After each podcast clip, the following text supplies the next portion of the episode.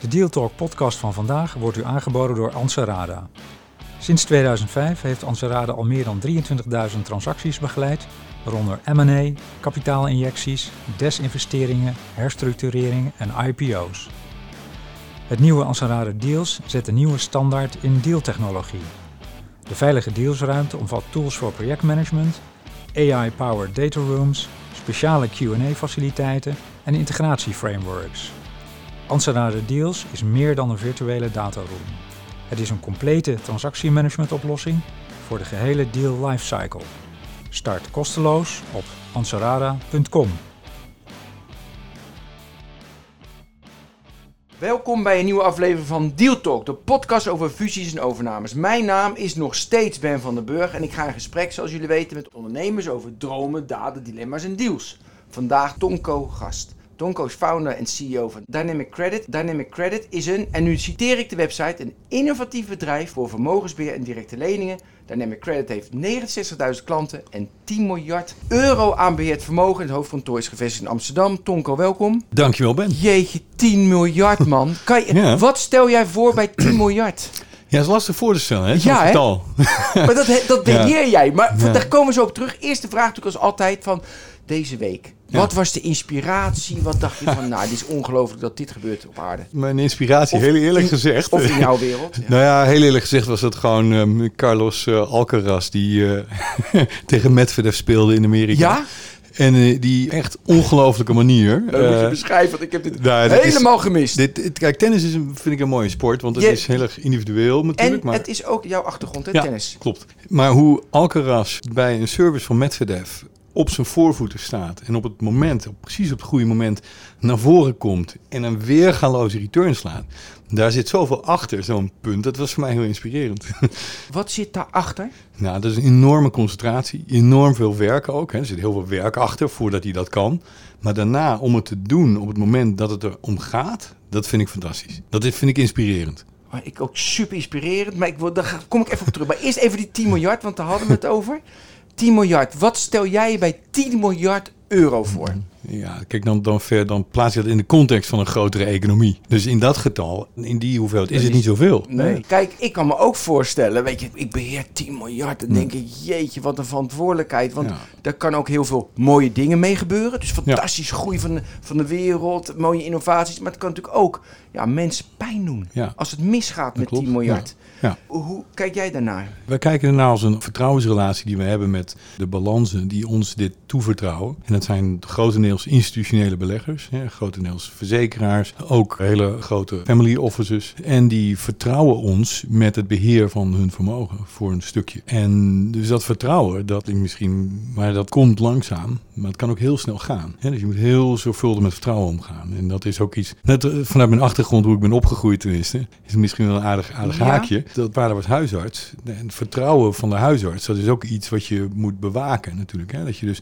op een bepaalde manier communiceert met je patiënt. Dat je open bent, dat je transparant bent, dat je, dat je luistert. Ja, ook allemaal dingen die in een vertrouwensrelatie heel erg van belang zijn. Dus het resultaat uiteindelijk, dat speelt mee. Maar als je dat goed uitlegt, dan is iemand heel erg ziek of het rendement is heel erg slecht. Even Ja. in die, Ja. weet je, dan... dat- Nou, je moet straightforward en, en to the point en transparant en niet er omheen gaan draaien. Dat, dat heb ik toen geleerd van mijn vader. Als hij Ja. een slecht nieuwsgesprek moest hebben, dan is dat iets wat je vrij direct moet aanpakken. Heeft je vader dat direct dan geleerd? Of, want- Nee, dat hoorde ik zo wel. Ja, eh, aan tafel, aan tafel zo. ja.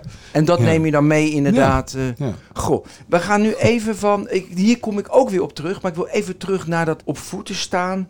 Wat allemaal, weet je, voor op je voeten. Wat gaat er aan vooraf? Dus dat inspireert je van. En dan gaat het om dat ene moment. Ja. Wat zijn dan die momenten dat je die bal terug moet slaan? Dus de cruciale Ja. momenten. Er gaat heel veel aan vooraf aan dat beheer. Dat snap ik. Vertrouwen kweken Ja. en uitleggen. Maar er zijn ook cruciale momenten. Ja.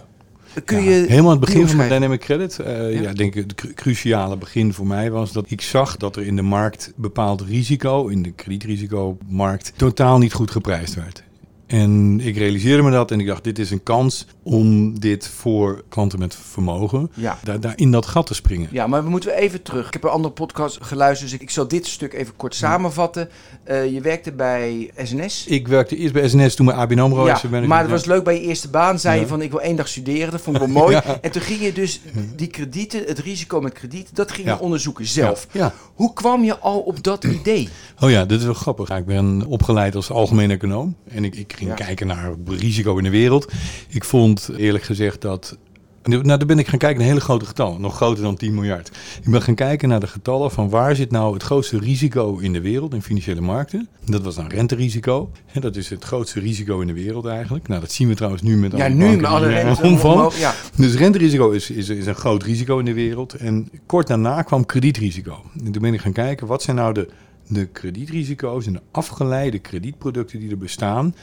En hoe kun je daar nou heel goed in worden? Want er waren niet zoveel mensen gespecialiseerd in kredietrisico, eerlijk gezegd. Ja, en die kredietrisico, daar hebben we natuurlijk in 2008 voornamelijk mee te maken gehad. Want Ja, nee, maar ja, toen klopt. ging dat mis. We dachten dat kredieten allemaal, Ja. nou, dat, heel veel mensen wisten het wel, maar dat die veilig waren, een goede status hadden, maar dat bleek heel veel junk te zijn. Dus daardoor ging dat ook mis. toch? Ja, klopt. Maar kredietrisico is daarom, ik vind het interessant, want het is, het is eigenlijk, je hebt een kleine kans op een heel groot verlies vaak. Waarom is dat? Ja, dat is, eh, kijk, als je een, een lening neemt bij een bank, dan is in de merendeel van de mensen betaalt dat keurig terug. Of er is keurig Ja. onderpand. Maar in een klein deel is dat niet zo. En eh, heb je een kleine kans op verlies. En dat is heel moeilijk om te modelleren vanuit een kwantitatief perspectief. Ja. En dat vond ik juist interessant. En ging jij ook modelleren toen? Ja, Zat je ik toen? vond het super interessant. Ik Ja? kon, kon een beetje goed programmeren, dus ik ging modellen bouwen. Ik ging rating agency research lezen. Ik heb een cursus of twee gevolgd. Ik ben echt diep erin gedoken om zelf kredietrisico in de vingers te krijgen. Dus jezelf ging je die, al die modellen bouwen en Ja. eh, wie hielp je daarbij? Nee, Niks ik gewoon uit- zelf boeken, eh boeken, ja, ouderwetse internet, bibliotheek eh, in. achtereen. Oh ja, toen, toen moest je op de bibliotheek in, ja. Ja, ja. Heb je die hobby nog steeds? Even tussendoor, even Ja, nu? ja, ja? ja, het, het gaat nog verder, want ik ben ooit afgestudeerd op neurale netwerken voor tactische asset allocatie. Dus artificial intelligence in eh, 1997 studeerde ik daarop af. En dat was gewoon een onderwerp wat ik koos. En dat, eh, ja, dat, dat heeft me altijd wel geïnteresseerd. Hoe modelleer je iets wat een beetje complex is? Ja, ik vind het wel grappig. Je vertelde eerder dat je in 2014 dan eh, las je al van Arnold Heertje zijn columns. En weet je dus waar dat vandaan komt, weet niemand. Waarom je Ja. al zo vroeg geïnteresseerd was in economie. Dat Ja. is best apart. Je vader huisarts. Ja, nee, ik kon niet tegen bloed. Dus ik uh, begrijp dat- je. Dus eh, dat was eigenlijk dat pad dat hield op. of hield op, dat begon niet eens. Nee. dus ik ben geen arts geworden. Ja, maar het is wel apart Maar- dat... Ja, nee, Ja. ja. super boeiend. iets, ja. Want je kan de diepte in en het heeft Ja. heel veel impact op de samenleving. Ja. Dus dat is het allemaal wel. Ja. Dus eh, toen ging je in 2003, toen ging je naar New York. Ja. ja, en ik dacht eerlijk gezegd dat ik binnen twee maanden in business zou zijn. Dus ik had een, eh, een carrière van maar liefst, eh, moet ik even goed denken, ik denk drie jaar, vier jaar misschien. Dat vond ik al best lang. Vier jaar voor een Ja, baas was je toen zat? Ja, wa- was je nou, toen... zat. Ik, Waar ik liep je tegenaan? Kijk, in grotere organisaties is het heel moeilijk om iets anders te doen of, of iets nieuws Ja. te doen. Dus ik had eerst bij ABN AMRO gezegd van, goh, ik zie een kans hier. Het is een enorme eh, kans om waarde toe te voegen voor klanten. Maar ja, zo'n grote organisatie, daar zijn allerlei policies en beheer, Ja. beleid en noem maar op. En daar past het niet in. Voor mij moet je even... Wat, welke waarde voeg je toe als je Ja. de kredietrisico's in Ja. kaart... Dan gaan ze minder snel fout, denk ik. Even- wat ik zag, was dat bepaalde obligaties met kredietrisico volledig verkeerd geprijsd werden. En die kon ik dus op een hele grote discount kopen. Dat was de grap. Dus ik kon heel goedkoop bepaalde eh, obligaties kopen die niet goed geprijsd werden. Het was niet zo liquide, het was complex. En waarom hadden anderen dat er niet door? Er schijnt tegelijkertijd, begreep ik, dat er in Europa eigenlijk één ander iemand was. Die in Parijs zat en die deed, die werkte bij een verzekeraar daar. En die deed iets vergelijkbaars. Die had denk ik ook zijn mouwen opgestroopt en, eh, en het bestudeerd. Maar voor de rest, wij waren met z'n twee in Europa een van de weinigen die die complexe, illiquide kredietrisico's konden begrijpen. Dus hoe kwam je eigenlijk in New York terecht? Nou, kijk, ik, eh, ik, to- to- toen ik voor mezelf wilde beginnen, Omdat je het niks Ik zat bij ABN elkaar AMRO hier in Amsterdam. Ja, nou ja, en ik dacht, nou, bij hun gaat het niet gebeuren. dus ik moet het zelf gaan doen. Eh, Maar er bestond helemaal geen fintech-wereld überhaupt. Een on- onderneming in de financiële sector, dat begin je in Nederland eigenlijk niet. En in Amerika is het heel anders. Heel open en eh, toegankelijk. Dus ik heb daar... ehm, Ja, maar dan Nou. nog, weet je, kennis, eh, je neemt het vliegtuig. Ja, nee, ik ben echt, daar. me- ja, ik, ik had niks, maar ik, ik heb mijn baan gewoon opgezegd en ik ben erheen gegaan. En toen eh, op zoek gegaan naar mijn eerste klant. Nou, dan spreek je Oké. 40 mensen in ongeveer. wie- En, eh, En wie funde dat? Was dat je Ja. vader of zelf had je gespaard? ik, had, eh, ik had ooit een tekenbonus gekregen toen ik bij ABN AMRO begon. En dat, Oh, mooi. Dat En dat geld, heb je gebruikt? dat is voor het grootste deel daar opgegaan. En toen... Hoe lang kon je het volhouden met die Een tekening? jaar ongeveer. Een jaar. Dus Ja. van tevoren wist Ja. je, wat ik ga dit een jaar ga ik beuken. En dat, maar ik was wel naïef natuurlijk, want ik dacht, ja, god, dit, dit is zo'n goed idee. Ja.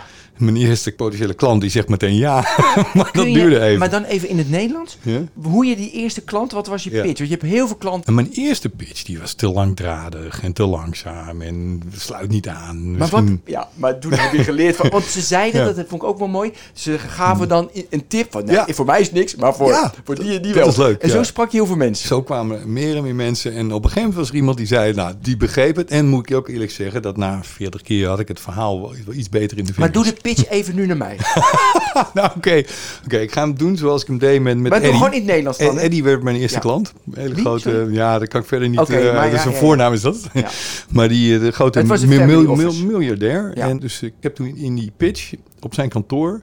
Kun je ik- even, dat vind ik ook leuk. Ja. Dus een groot kantoor, denk Ja. ik, een miljardair. Ja, ja, ja, ja, dus met alle, weet je wel, Ja, het ziet er allemaal een- strak uit. Dan kom je binnen. Ja, kom je op de, de, de bovenste verdieping van zo'n wolkenkrabber. Trouwens, het lijkt heel veel op dat een van die gebouwen die ik hier in de muur zie hangen. Oh, wat grappig dit, ja. En, de, en dan kom je eraan en dan, eh, dan kom je in een, ja, ik- gaan een kantoortje. En die man die Die kwam van boven met de helikopter die ochtend. Ongeveer. Die- ja, en maar het was wel leuk, hij, eh, ik had inmiddels het verhaal wel echt goed in de vingers. En ik had ook Het begrepen... ga je zo doen, hè?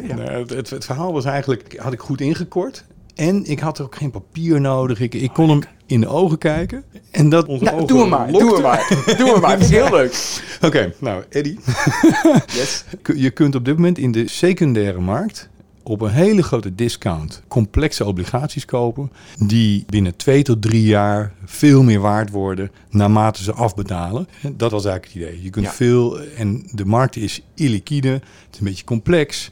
Maar ik heb een businesspartner gevonden die kan de verkopers vinden. Ik kan het analyseren en zo wordt het vermogen meer waard. En dan zeg hij natuurlijk, show me. Nou, show toen me the zei- money. Toen hij, ja, nee, hij, eh, hij begreep het goed. Want hij had in de gaten dat je in een hele, hoe noem je dat, eh, in een hele liquide wereld is het niet zo spannend. Daar kijkt iedereen naar hetzelfde. Ah, De prijsvorming klopt vrijwel. Ja. En hij had door dat als je in een iets minder of iets minder, behoorlijk minder liquide wereld zit, is vraag en aanbod kan zo moeilijk op elkaar aansluiten. Daar kun je waarde vinden. Ja. En geeft hij dan eerst om dat te testen een klein bedrag om te trainen? Is het veel? Nou, kijk, toen in die tijd, omdat ik op zoek was naar de eerste klant, de deal was in New York 25-25. Dat betekende 25 miljoen aan vermogen, Ja. maar dan moeten we 25% van het bedrijf ook hebben. En dan gaan ze de eerste Van klant. jouw bedrijf ja, gelijk? ja, ik had ook niks natuurlijk, dus 25% Oh, wat een goed verhaal. voor een eerste klant. Ehm, Ik heb nog nooit geweten dat ja, ze dat doen. ja, dus dat was een beetje de standaard deal. Wat dacht je toen? Maar dat wist je van tevoren al. Nou ja, dat, dat hoorde ik. Maar ik had gezien dat deze mensen, onze eerste klant, die kon om allerlei redenen geen belang in een financiële onderneming hebben. Dus daarom was het een ideale eerste klant. Want ik heb ze nul gegeven. En het enige Alleen maar het beheer. Alleen maar, het- ze gaven gewoon het, eh, het vermogen onder beheer. En ik heb ze gezegd, na een jaar, als we ander geld ophalen, geven we je 50% discount. Mooi. Dus dat was eigenlijk een no-brainer. En hoe gaat dat dan in die wereld? Dan, dan krijg je een percentage Mhm. van... Ja, je kreeg, eh, ja, dat was, dat was allemaal eh, geld, dat was dan 2 en 20 geld noemden ze dat, weer zo'n Amerikaanse term. 2% vermogensbeheer, Ja. fee en 20% van de winst.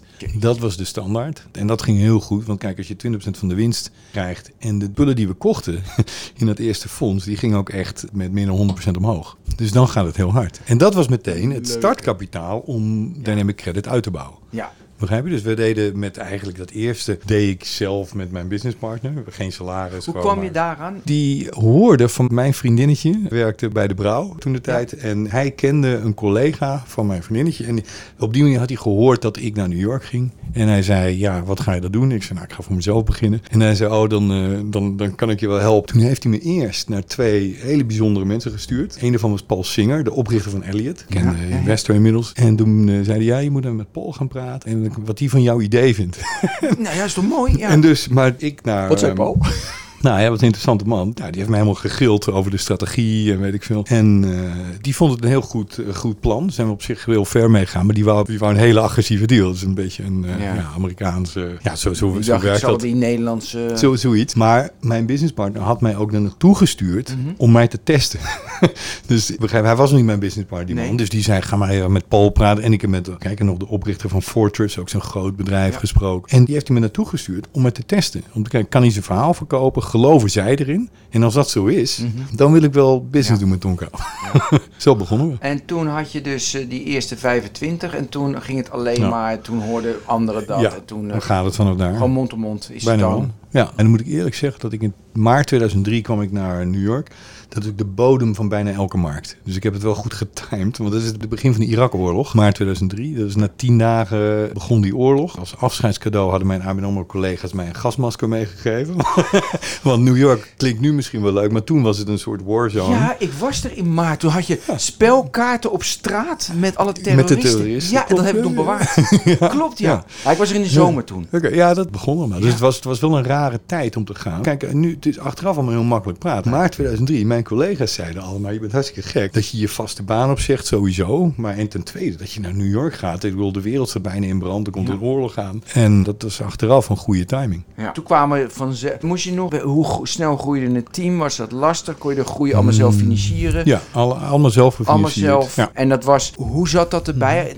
Had je, was het zeg maar product leader zoals je van een vermogensbeheerder kan, met allemaal kunst aan de muur? Of, ja, even gewoon Nee, we, we hadden, we hadden een heel leuk, ook, ja, dat is wel een grappig verhaal. We, we hadden een kantoor eerst bij onze eerste klant op kantoor. Dat was wel Ja. mooi. En voor hun ook om ons in de gaten te houden. Ja. ik kwam eens even kijken. Nou, ik, ik werkte zeven dagen in de week, eh 14 uur per dag. Was je gewend van je vader?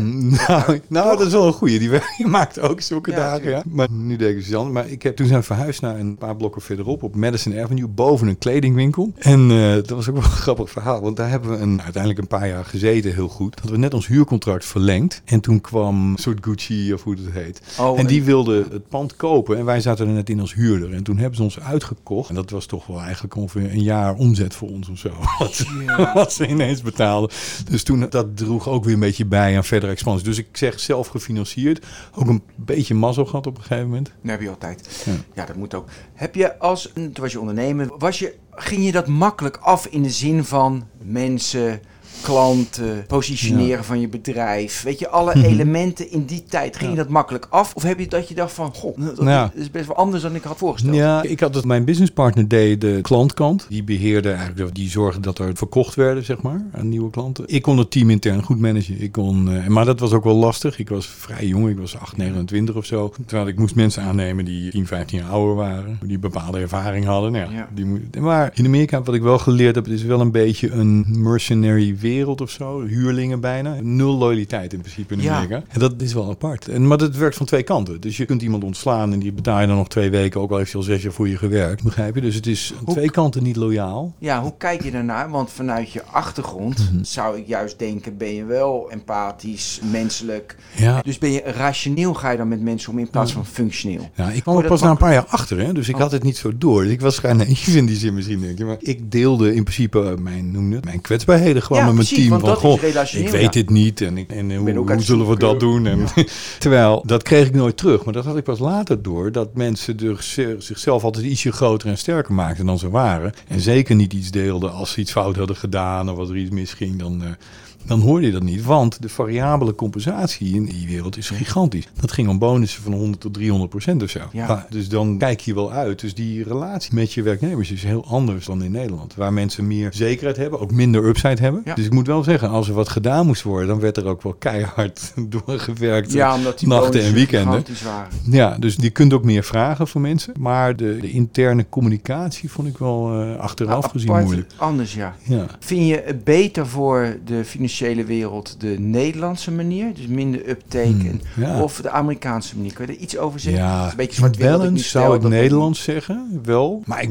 ik verbaasde me er wel over toen ik hier kwam. Ik was gewend om om acht uur had je breakfast Toen meetings. je om, terug... toen ik terugkwam in Nederland. En in Amerika breakfast meetings en dat gaat maar door. Ja, nee, daar, daar loopt het eigenlijk privé, sociaal werk, dat loopt een beetje in elkaar. Dat, dat grijpt een beetje in elkaar. Dus je bent dichter bij je klanten ook op Ja. een of andere manier dan hier. Maar ja, je, ja je, je dagen zijn ook veel langer. Je Ja. begint echt wel om acht uur met de eerste meeting. In de laatste meeting in Nederland heb je vaak dat mensen om zes uur niet meer afspreken. Maar Ja. dat is daar vrij normaal nog. Ik heb namelijk ooit een keer een Amerikaanse manager gehad, heel lang geleden. En dat was, ja, dat was geweldig. Die ging ook alleen maar, die beukte door, man. Het was breakfast meetings. En. Dus die mentaliteit, ja, ik vind het al. Ik vond het heel leuk. Ik, Ja. ja. ja, maar ik begrijp het ook wel. Ik ben later pas, ja, laat ik zeggen, heb ik, eh, dat ik een gezinnetje kreeg. En ik denk, nou, dat, soms, soms is het best wel Is onhandig. handig. Nee, klopt. Eh, had je die kredietcrisis 2007? Hoe ging je daar naartoe? Ja. Complete verrassing of nou, niet? Nee, nee, nee. Ik, ik, het was, nou, de diepte uiteindelijk wel. Ja, dat eerlijk gezegd wel. Maar wij hadden zelf heel veel data ingekocht over Ja. hypotheken. En dus wij konden... Maar dat duurde even voordat het in de vingers hadden. Dus Ja. we, ik weet nog dat we in de zomer van 2006 kochten we die data. Dus al die hypotheken. En toen hebben we... Ja, het was een warme zomer. En toen was het ongeveer rond september, oktober... hadden we door hoe diep die subprime eh,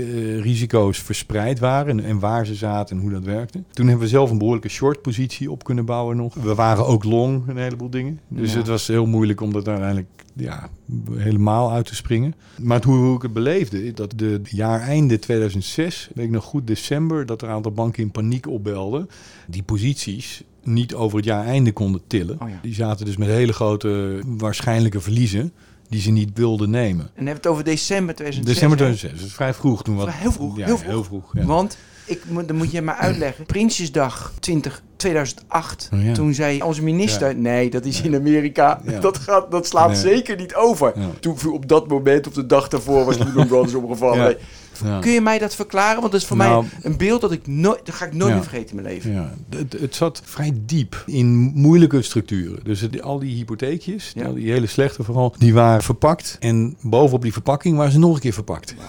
dus, dus dan is het heel moeilijk om te zien wie wat heeft en hoe slecht maar het is. toch. En het was verpakt met, en dit is wel een ding wat, wat ik vind onderbelicht is gebleven, dat al die credit ratings, ja, die waren gewoon, klopten gewoon Nee, niet. het was een poppenkast. Want wat ze deden, je, kijk, je kunt heel mooi een rating maken op een securitisatie van hypotheken. Ja. Maar als je dat, die securitisatie in een andere securitisatie stopt, dan moet je heel goed oppassen op je aannames. Ja. De correlatie met name. En dat was volledig niet. En dat is wel grappig. Is dat nu beter? Nou, ik, ik nog even heel kort. Ja, Toen ik- sorry, toen ja. ik ben toen bij, bij een van de grote rating agencies langs gegaan. En toen had ik een gesprek met die man over die markt, hè, van die securitisaties. En dit is 2003, maart 2003. Dus helemaal voordat alles echt begon. En ik vroeg aan hem, vooral, hoe doen jullie dat nou met die correlatieaannames van al die hypotheeksecuritisaties als je daar weer een nieuwe verpakking omheen zet? Ja. Hij zei, ja, dat is een goede vraag. Dat is ook interessant, zei hij. Dat is vooral eh, ja, academisch heel interessant, vond hij. Maar ja, ik heb mijn slimste mensen nu toch echt gezet op het maken van, of het produceren van ratings.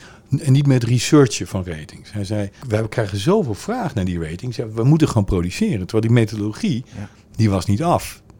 Nou, daar, dat, dat was grappig. Dat, daar heb ik later nog eens aan teruggedacht. Nou, Dat is het een van die zaadjes geweest waardoor het zo uit de hand is kunnen lopen. ja. Ben je daar zomaar, kon je daar zomaar langskomen allemaal? Want je, Ja, nou, ik had mezelf redelijk goed verkocht in die zin. Ik was wel een expert op een bepaald Ja, gebied. En dus dan, Ja, omdat je al die lezingen deed in de banksector. Ja, ja, Dat vond ik ook zo'n goed, goed verhaal, Nee, waardoor je een naam kreeg. ja, ik ging mezelf Slim. een beetje branden. Van, eh, goh, ik weet ergens iets van. Ik, en dus, ik had daar best wel wat jaren in gestoken. Dus ik, ik heb iets te vertellen. Ja.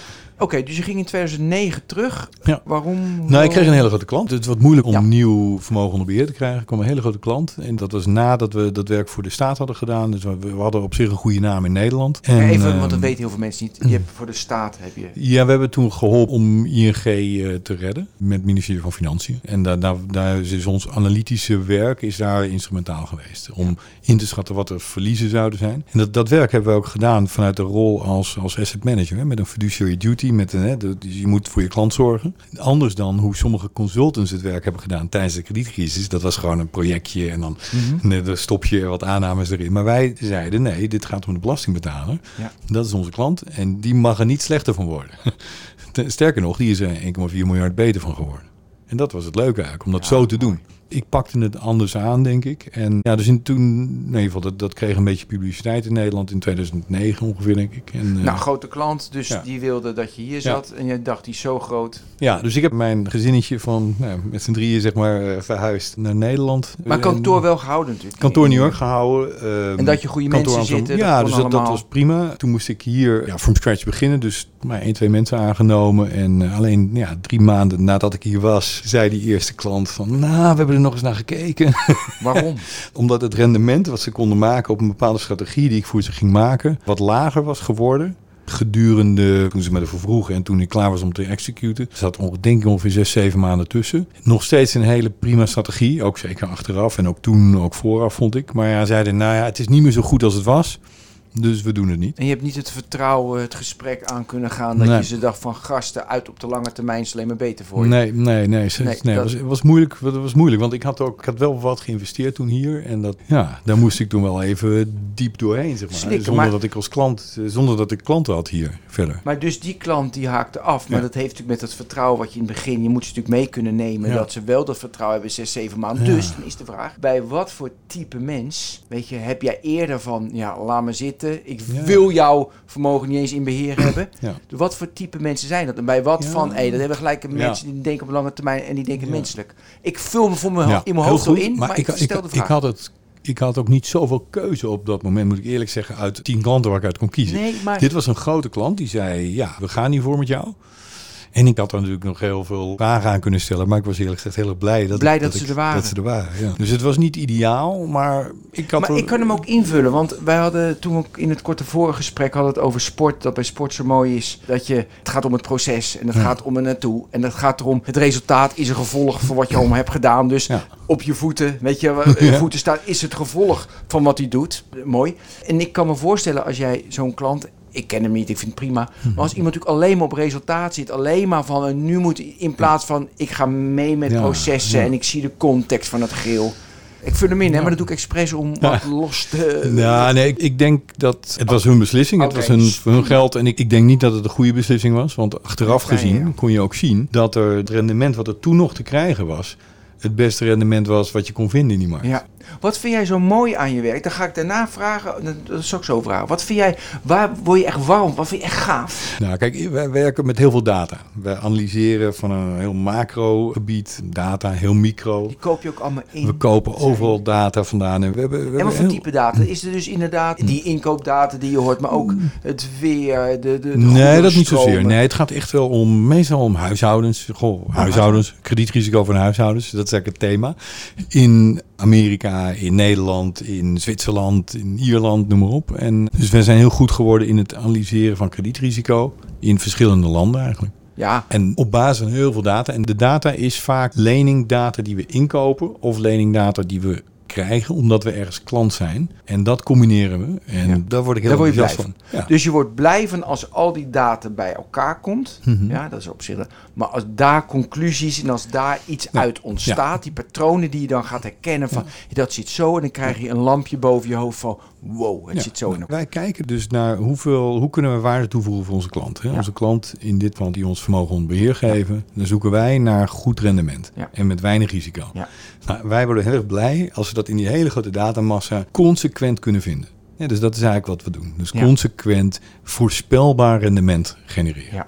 Hoe ziet de hele kunstmatige intelligentie natuurlijk nu hip, hip Ja, ik was vrij sceptisch, eh, want ik was, eh, nou, ik, Ja, had me erin verdiept in dat, eh, ja. 1997, maar toen een hele tijd niet. Ik was er wat sceptisch over eerlijk gezegd, omdat vroeger, hè, oude tijd, toen was het vrij moeilijk om dit soort modellen te draaien, om, om überhaupt te ontwerpen en ze te gebruiken. Nu is, hoef je niks meer te doen bijna, je, je gooit wat data in een bak, je schudt even zeg maar en er, En er komt komt iets uit. Ja, ja, ja. Er komen patronen uit. Maar het is best wel complex om, om, dat, om die bak waar je het ingooit goed Ja. op te zetten. Tuurlijk. Want je kunt, wat het grootste risico is, overfitting. Je kunt heel makkelijk patronen in alles herkennen ongeveer. Als je dat model maar complex genoeg maakt, komt er altijd een patroon. Ja. Nou, en je wil eigenlijk een patroon wat, ja, wat, wat ook blijft bestaan in data die die nog niet heeft gezien. Snap jij die patronen ook altijd? Dus soms komt er iets uit dat je denkt van, hè?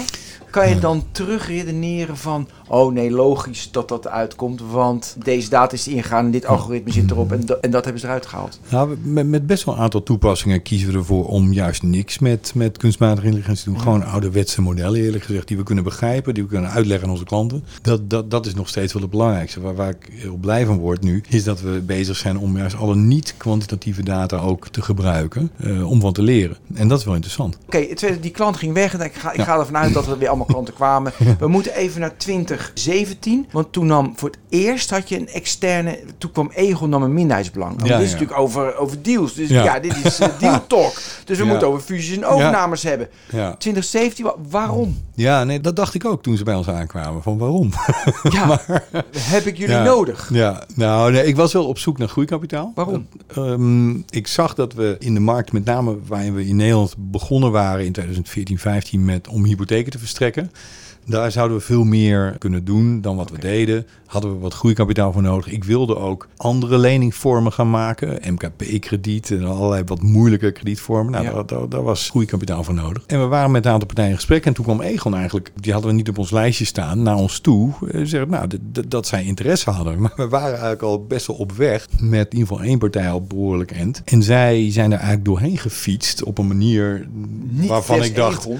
Nee, nou, dat is dan een soort venture fund. En Ja, dat venture fund, ja, dat is dan, Ja, die, kunnen wat anders bewegen Ja. dan een dan Egon. En dus die zagen iets in Dynamic, wat wij zelf ook wel zagen. Alleen wat ik denk achteraf, het is best wel snel gegaan, dat proces. hè. te Van het, eerste kopje, van het eerste kopje koffie tot... week. Nou, moet ik even goed Het, denken. het was op de Amerikaanse manier. Ja, Die ja, had ik ook niet verwacht. En het ging echt snel. Het was van, eh, ik denk eerst kopje koffie zal, eh, zal in april zijn geweest misschien. En dan zaten ze in mei in de data room. En in, eh, volgens mij hebben we in, vlak voor de zomer gewoon getekend. Dus dat zal dan ja, juli zijn geweest. Ja. Nou, dat is natuurlijk heel snel. Dat Ehm, was groeigeld om die hypotheekbusiness. de hypotheekbusiness te, ver- diverser te maken, breder te maken. Nou, en zij zeiden dat zij heel veel, ja, dat zij, dat zij meer hypotheken wilden Ja, dan dat ze zelf al maakten. ja. Nou, dat leek ons een heel goed idee. Dan kregen we een grote klant erbij. Ja, dat was het idee eigenlijk in 2017. En die deal ging die, was ja, dus heel snel. ja. Had je, hoe ging dat met eh, adviseurs in de dealroom? Met, oh, met de waardering? Ja, ja. ja, dat was wel grappig. Nou, niet heel veel detail, Nee, maar, snap ik. Maar, maar wij, wij, kijk, ik ben een, van een oorsprong een fixed income belegger. Ik kijk vrij zuinig naar, eh, naar getallen. Dus eh, het kan alleen maar het kan minder worden, weet je. Dat, Ja. ik, ik ben niet een, een aandelenjongen, zeg maar. Dus hem met de bomen die de hemel in groeien. Dus ik, heb, ik keek naar ons, eh, onze winst en onze balans. Nou ja, ik dacht, Prima. een getal opgeplakt. En met een beetje gewoon een redelijke multiple. ja. Niks geks. Maar dat, dat was dus veel te laag. Want toen ik later in het proces zei, ja, ja moet er eigenlijk 50% hoger zijn. Toen was het ook meteen akkoord. Mooi zeg. Ja, dat is dus toch geweldig? maar ja, dit, maar dat is aan mijn kant dus ook niet zo handig. want nee, je ik had even dat, advies moeten invragen hoe dat precies zit en zo. Nou ja, dat ik had had je het niet niet gedaan. Niet, dat had ik niet gedaan, nee. Ja, Qua verhaal is het wel heel Ja. goed. Echt heel goed, want dat hoor je niet veel. En dat mensen het ook toegeven hoor je niet veel trouwens. Dat hoor je niet veel. Oké, wat veranderde toen Egon erin zat? Nou, Oh, niet zoveel, want in het een minderheidsbelang. Nee, Eh, ja. Dus er niet Alleen het, nou, wat, er- wat er wel veranderde, moet ik zeggen. Wij gingen van, eh, ik denk, toen hadden we denk ik 50 mensen naar ongeveer 100 mensen. Want dat, dat groeikapitaal werd in mensen gestopt voor een Ja. groot deel. Dus wat er veranderde, dat er toch op een gegeven moment wel meer mensen kwamen, dat ik niet iedereen zijn voornaam meer wist. Ja. Begrijp je? Dat, dat, is dan, dat veranderde dan. Dan krijg je ook ja, iets meer van een laagje nodig qua management ineens. Wat we eigenlijk ook nooit hadden bijna. Tenminste, Mhm. ja, we hadden wel management, maar niet een laag nog ergens tussen. Ja. Dus dat veranderde een beetje. Ja, snel veel nieuwe mensen. Het waren ook veel eh, developers. We hebben denk ik wel 25 developers erbij aangenomen toen of zo. ja, Ja. van overal vandaan. Hè. Dus ook, en omdat het snel moest, want Egon had bepaalde requirements, moesten we ook snel. Dus het was, ja, het was niet van, goh, zo gaan we, we gaan dit eens aankijken. Gewoon was agressief, een plan. Amerikaans. En dus ik zei, nou oké, als dat het plan is, dan willen we daar aan voldoen. En dus dan is dit. Dan moeten we op die manier ook gaan hiren. Dus Ja. we hebben mensen uit de hele wereld gehaald. eh, Brazilië, Maar hier naartoe gehaald of dagen later? Nee, hier naartoe Hier naartoe gehaald. gehaald, huisvesting. Ja, ja, ja. ja. ja dat Dus echt mensen uit Pakistan, Zuid-Afrika, overal van echt hele goede mensen. En eh, dus, dus vol geïnvesteerd in 2018. Nou, en ergens midden 2019 bleek dat, dat ze zich niet meer eh, gebonden voelden aan de afspraken die we gemaakt hadden. Wie Egon? Ja. En toen? Nou, dat werd een moeilijke situatie. Ja, ja en toen, de moeilijke situatie, dus, dus gesprekken nog eens een keer laten zien. Ja. Er staat toch echt een handteken onder deze getallen. Maar wilden zij meer of wilden zij minder Nou, of wilden zij ja, iets ik, anders? ik kan niet te veel zeggen, maar, Nee, maar zij mogen, zij, zij, zij wilden, eh, ze hadden een, eigenlijk een soort eh, afname afgesproken van onze Ja. product. En ja, dat was vrij helder opgeschreven. En eh, nou, daar verschilden de meningen over. Oh. Maar dat is best moeilijk, want dan heb je minderheidsaandeelhouder aan de ene kant. En aan de andere kant heb je ook een, een klant eigenlijk die we goed bedienden ook. Ja, dat, dat was een moeilijke, moeilijke periode. Want ik had dus heel veel mensen aangenomen op die groei Tuurlijk. die niet kwam. Hoe Dus ging ik je daarmee om? Nou ja, ik, ja eh, taai. Ik heb toen eh, heel moeilijk, vond ik dat. In november ongeveer 2019 heb ik op één dag, denk ik, 20 mensen moeten ontslaan. Mhm. Hierdoor. Ja. Omdat, omdat de klant niet nakwam. Dat was heel taai. Voor die mensen vooral. We, we- iedereen heeft wel binnen een week eh, ja, dus het voorstel geaccepteerd. Dus we deden een, een goed voorstel voor mensen. Maar dat in een relatief klein bedrijf is dat, gaat dat heel hard dan. Als je 100 man en ook voor de mensen die achterblijven. Hè, hoe, hoe gaat dat dan? De dynamiek was, hoe we daar niet goed van. Ja, wat ik, weet je, je, je ziet nu nog steeds aan je, aan je van, wow, weet je, dit, Ja, eh, dat is dit is heftig. En als ik zie, als ik nu lees, weet je, de massa ontslagen overal in, bij, in, in tech en zo, en hoe Elon Musk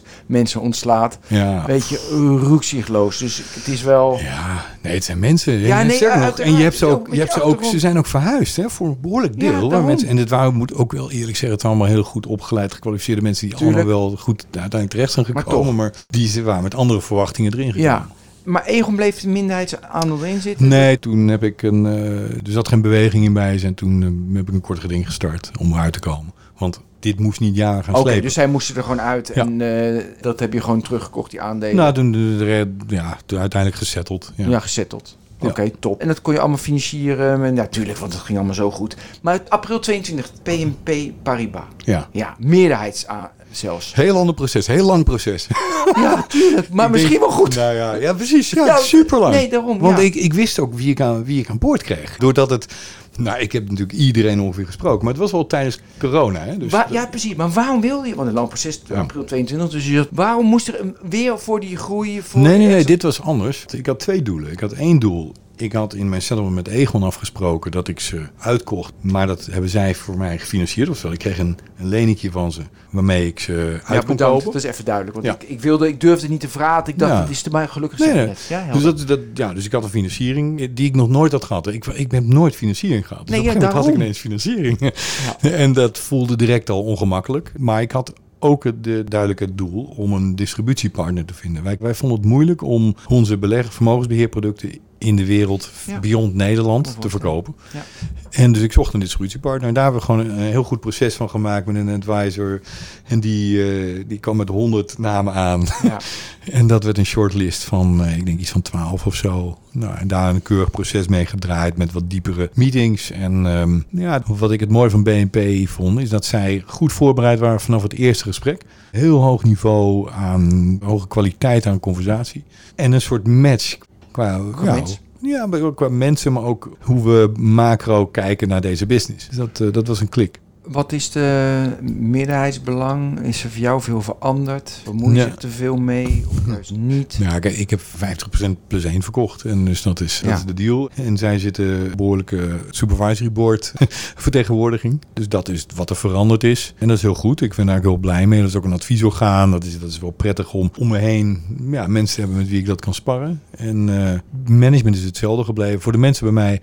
Ja, denk ik dan, na die moeilijke tijd rond het Egon-verhaal, is het, is het vaarwater gewoon heel goed geworden. Ja. Dus de- er is niet zoveel veranderd bij ons. Ja, maar plus nu, dat vond ik ook zo mooi. om Indonesië, weet je, het is nu echt...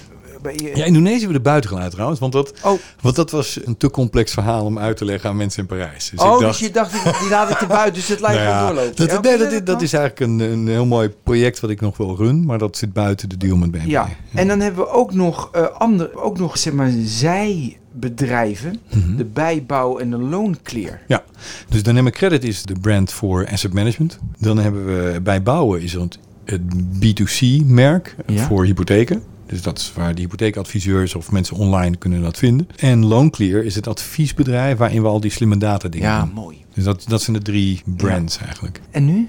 Nu, ja, en nu eh, schalen. Ja, dat is ding, want we zijn, we zijn het aan het opschalen. In die zin niet qua mensen, maar wel qua sales. Oké, nou, Want we hebben- geschaald. En dan? En dan denk ik dat we nou, meer global kunnen worden. Dus we dan zijn- ben je meer global. En dan? ja. En als we dan meer global zijn, denk ik dat we ja, meer impact kunnen hebben. nou ja, uiteindelijk komt het uiteindelijk ergens altijd niet op een soort impact, toch? Ja. En ik denk dat we nu is dat vrij beperkt, eerlijk gezegd, onze impact. Hoewel, moet ik wel zeggen, in Nederland hebben we een hele goede impact gehad als, als de eerste in, eh, die, die een non-bank lender werd, of direct lender moet ik Mhm. zeggen, in hypotheken. Toen wij begonnen daarmee in 2014 was 90% van hypotheken ging via banken. Ja. Vandaag de dag is dat minder dan de helft. Ja. En dat is eigenlijk heel mooi, want daardoor zijn er veel meer hypotheken niet op de bankbalans terechtkomen, maar bij langetermijn beleggers die de klant veel beter langetermijn relatief goedkoop geld kunnen aanbieden. Wil als laatste vraag wil ik stellen. Wanneer, als jij terugkijkt, je bent 85, je kijkt terug, denk je van... Fijn, daar ben ik nou echt tevreden over. Dat is, dat is goed gelukt. En dat is natuurlijk een beetje gezin met je zoon. Weet Ja. je, maar, maar even zakelijk. Ja. Ja. Dat ik een positieve impact heb gehad op iedereen, op iedereen waar ik mee gewerkt heb. dat ze denken van, hé hey, Tonko, Ja, ik heb- top, ik heb- er ja. is iets gebeurd. Ja, ik heb, ja, en ik vind dat het, en je doet het allemaal samen en er zijn heel veel mensen bij betrokken en dat, dat lijkt me heel mooi. Mooi, positieve impact op iedereen. Dankjewel. We bedanken Tonko Gast. Dit was Deal Talk. Heel veel plezier en tot ziens. Hoi hoi. U heeft geluisterd naar Deal Talk. De Deal Talk podcast van vandaag wordt u aangeboden door Anserada. Anserada Deals is meer dan een virtuele dataroom. Het is een complete transactiemanagement oplossing voor de gehele deal lifecycle. Start kosteloos op ansarada.com.